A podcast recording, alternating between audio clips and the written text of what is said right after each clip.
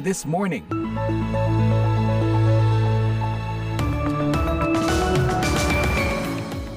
Selamat pagi, welcome to VOA This Morning yang kami siarkan dari Studio 17 VOA di Washington DC. Saya Rifan Astono. Apa kabar? Seperti biasanya pagi ini di hari Selasa, tanggal 6 Januari 2023, redaksi VOA sudah menyiapkan serangkaian berita hangat dari Indonesia dan mancanegara. Di antaranya, Amerika Serikat dan Tiongkok pada akhir pekan di Singapura saling tuding meningkatkan ketegangan di Selat Taiwan. People's Republic of China continues to conduct an alarming number of risky intercepts of Republik Rakyat Tiongkok terus melakukan sejumlah penyergapan berisiko yang mengkhawatirkan. Sedikitnya 15 jemaah haji asal Indonesia telah wafat di Tanah Suci hingga 4 Juni 2023. Sampai dengan kemarin jam 4 sore, sudah ada 15 jemaah yang wafat. Yang terbanyak adalah berasal dari embarkasi Surabaya. Jangan lupa siaran ini juga bisa Anda simak secara live streaming di situs kami www.voaindonesia.com atau dengarkan kapan saja melalui podcast VOA This Morning di platform podcast langganan Anda.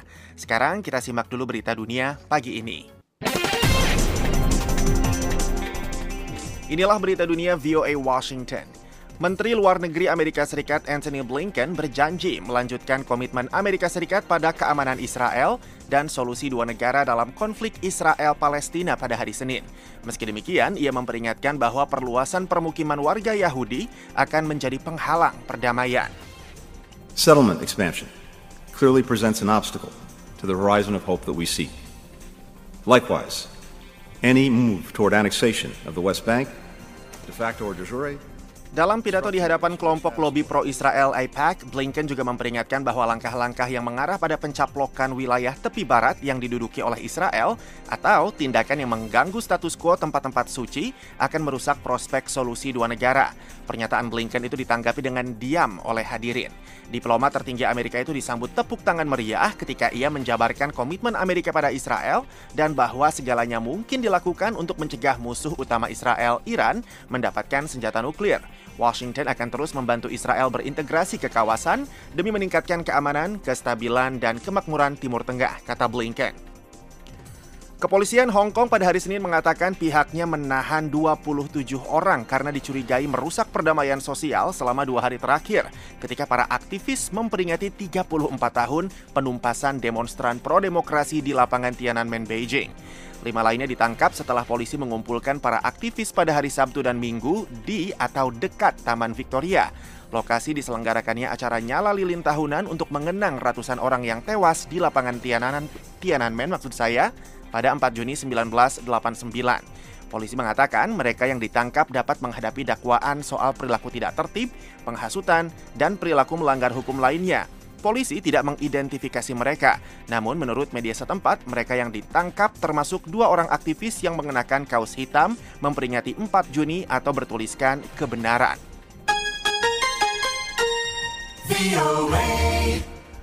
Mantan Wakil Presiden Amerika Serikat Mike Pence telah mendaftarkan pencalonannya dalam pertarungan memperebutkan tiket calon Presiden Amerika dari Partai Republik dalam pemilu Presiden 2024 berhadapan dengan mantan bosnya Donald Trump.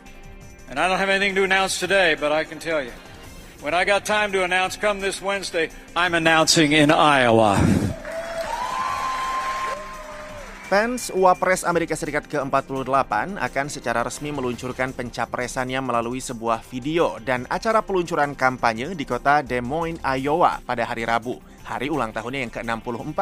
Pencapresannya semakin meramaikan bursa capres Amerika Serikat dari kubu Republik dan menempatkannya dalam pertarungan langsung melawan mantan atasannya Trump hanya dua tahun setelah pemerintahan mereka berakhir dengan peristiwa penyerbuan ke gedung Kongres Amerika pada 6 Januari 2021 hanya enam mantan wakil presiden Amerika Serikat yang sebelumnya berhasil terpilih menjadi presiden, termasuk Joe Biden yang juga mencapreskan diri lagi sebagai calon petahana. Kita beralih ke India. Keluarga para korban kecelakaan kereta paling mematikan di India dalam puluhan tahun memenuhi sebuah rumah sakit di kota Bhubaneswar untuk mencoba mengidentifikasi jenazah kerabat mereka. Ketika para pejabat perkereta apian merekomendasikan dibukanya penyelidikan kriminal terhadap kecelakaan yang menewaskan 275 orang itu. Kerabat para penumpang yang tewas dalam kecelakaan hari Jumat itu berbaris di luar All India Institute of Medical Sciences. Sementara itu, para korban selamat yang dirawat di sejumlah rumah sakit mengatakan mereka masih mencoba mencerna bencana mengerikan yang mereka alami. Di luar rumah sakit, dua layar besar menggulirkan foto-foto jenazah. Wajah mereka begitu berlumuran darah dan hangus sehingga sulit dikenali.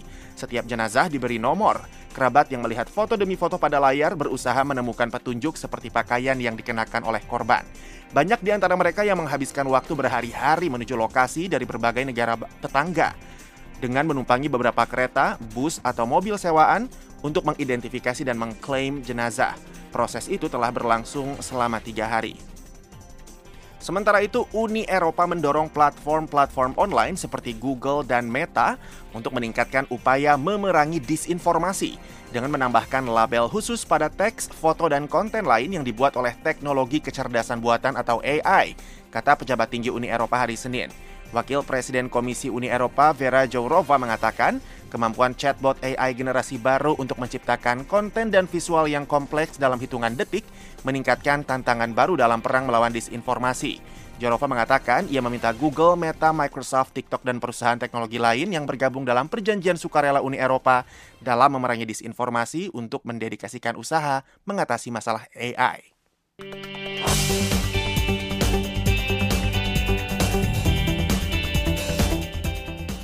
VOA This Morning, Amerika Serikat dan Tiongkok pada akhir pekan di Singapura saling tuding.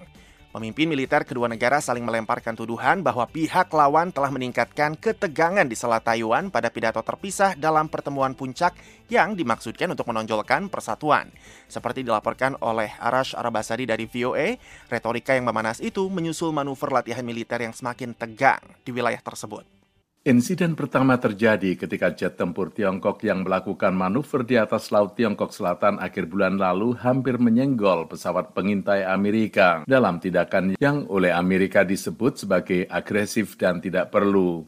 Beberapa hari kemudian di Selat Taiwan yang memisahkan Taiwan dari benua Asia, sebuah kapal perusak Tiongkok melakukan manuver dan hampir menabrak kapal perang Amerika. Menteri Pertahanan Amerika Lloyd Austin menyebut langkah itu tidak bertanggung jawab dan Angkatan Laut Amerika menyebutnya tidak aman. Insiden-insiden itu menimbulkan perang kata-kata antara Amerika Serikat dan Tiongkok pada dialog Shangri-La tahun ini di Singapura. Pertemuan tersebut merupakan perhelatan tahunan bagi para petinggi militer dunia dan merupakan platform untuk membangun jaringan dan mengupayakan peredaan ketegangan.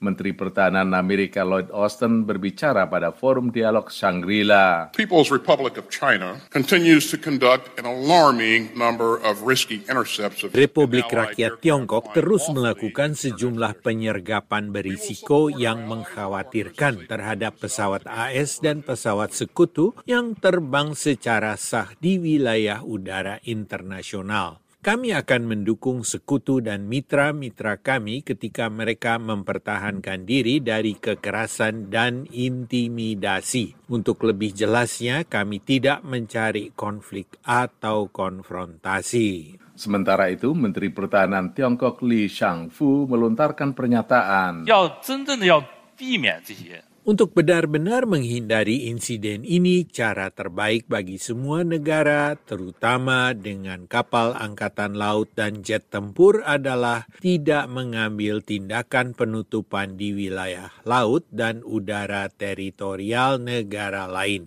Sederhananya, urus masalah Anda sendiri dan jaga orang-orang Anda dengan baik. Lee telah menolak permintaan Austin untuk melakukan pertemuan pada forum di Singapura itu. Tiongkok beberapa bulan lalu menerbangkan balon mata-mata melintasi Amerika Serikat dan Kanada untuk mengumpulkan informasi antara lain pangkalan-pangkalan militer Amerika. Seorang anggota Kongres Amerika mengatakan Tiongkok telah bertindak terlalu jauh. Anggota Kongres dari Partai Republik Mike Turner berbicara pada hari Minggu dalam acara televisi ABC This Week. You get this sort of sense of permissiveness that I think the administration needs to Mereka and make mendapatkan semacam rasa permisif. Saya pikir pemerintahan Biden perlu meningkatkan dan menjelaskan Tiongkok telah mengidentifikasi dirinya sebagai musuh dan kami akan memperlakukannya seperti itu.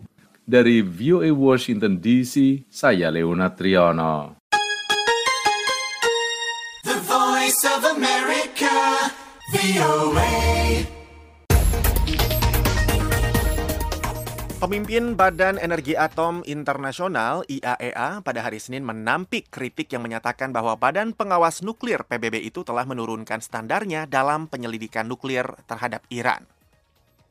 Berbicara pada konferensi pers di sela-sela pertemuan Dewan Gubernur IAEA di Wina, Direktur Jenderal Rafael Grossi mengatakan badan yang dipimpinnya tidak pernah melonggarkan standar pengawasannya. We stand by our standards, we we apply our standards and uh, and if anything Kami tetap berpegang pada standar kami dan kami menerapkan standar kami. Yang telah kami lakukan dalam proses yang rumit ini, seperti yang Anda amati, adalah bahwa kami bersikap ketat, secara teknis imparsial, dan sangat tegas. Adil, tapi tegas.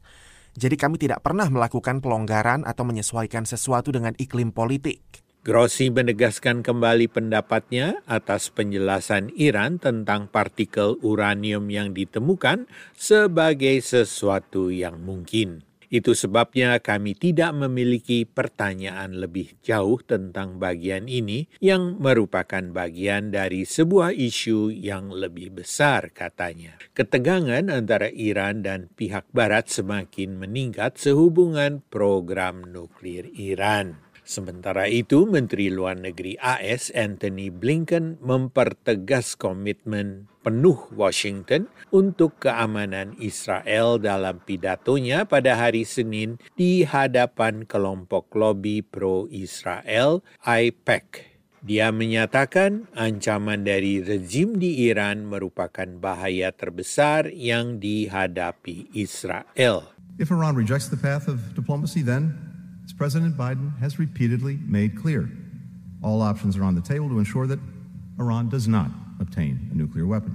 Kalau Iran menolak jalur diplomasi, maka sebagaimana sudah berulang kali dijelaskan Presiden Biden, semua opsi kami pertimbangkan guna memastikan Iran tidak memiliki senjata nuklir. Kesepakatan nuklir pada 2015 membatasi stok uranium Teheran sebanyak 300 kg dan pengayaan sampai 3,67 persen, cukup untuk menggerakkan sebuah PLTN. Tetapi penarikan sepihak AS dari persetujuan itu pada 2018 telah menghidupkan serangkaian serangan dan eskalasi oleh Teheran terhadap programnya. Iran telah memperkaya uraniumnya mencapai kemurnian 60 persen, sebuah tingkat yang menurut pakar non-proliferasi tidak dimaksudkan untuk tujuan damai. Hal itu dibantah oleh Iran.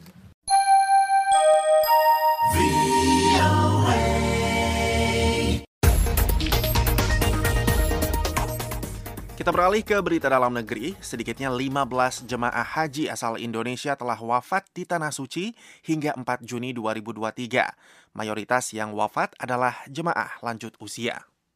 Sedikitnya 15 jemaah haji asal Indonesia telah wafat di Tanah Suci hingga 4 Juni 2023. Mayoritas yang wafat adalah lansia. Kepala Pusat Kesehatan Haji Kementerian Kesehatan Republik Indonesia, Lilik Marhaendro Susilo, mengatakan jemaah yang wafat paling banyak berasal dari embarkasi Surabaya. Sampai dengan kemarin jam 4 sore, sudah ada 15 jemaah yang wafat. Yang terbanyak adalah berasal dari embarkasi Surabaya, ada enam orang, kemudian dari embarkasi Jakarta Bekasi atau JKS ada empat orang, kemudian dari embarkasi Solo ada tiga orang, dari Aceh satu orang, dan dari Jakarta Pondok Gede uh, satu orang. Ia juga mengungkapkan penyakit jantung iskemik sebagai penyebab kematian utama. Lima orang yang tewas diketahui menderita penyakit itu. Kemudian infak mengikut akut ada empat, tiga orang, shock septic, aritmia jantung, pneumonia, shock kardiogenik, mitral valve disease, virus embolisme dan trombosis, melena itu masing-masing ada satu orang. Lili mengatakan 10 di antara jemaah haji yang wafat adalah lansia atau berusia di atas 60 tahun. Memang sistem pelayanan kami adalah sistem rujukannya dari kloter nanti bisa dirujuk ke KKHI atau ke Rumah Sakit Arab Saudi. Di Rumah Sakit Arab Saudi yang dirawat adalah jemaah-jemaah dengan tingkat keparahan penyakit yang tinggi. Sehingga wajar bila yang terjadi yang banyak wafat adalah di uh, Rumah Sakit Arab Saudi. Terkait dengan kematian lansia, Kementerian Kesehatan mengimbau agar jemaah haji lansia dan berisiko tinggi agar tidak memaksakan diri melakukan aktivitas fisik yang berlebihan. Lili menyarankan jemaah haji mandiri ikut mengawasi dan memberikan pendampingan terhadap jemaah yang lansia dan berisiko tinggi. Jangan lupa minum air, ya minimal satu gelas atau 200 ml per jam. Tidak usah menunggu haus karena di sana rasa hausnya juga uh, jarang ya. Rasanya kita tidak pernah haus di sana, tapi tolong tetap minum air. Kepala Biro Humas Kementerian Agama Republik Indonesia, Ahmad Fauzin, mengatakan suhu di kota Madinah saat ini berkisar antara 30 sampai 39 derajat Celcius. Sementara di Mekah antara 31 sampai 43 derajat Celcius.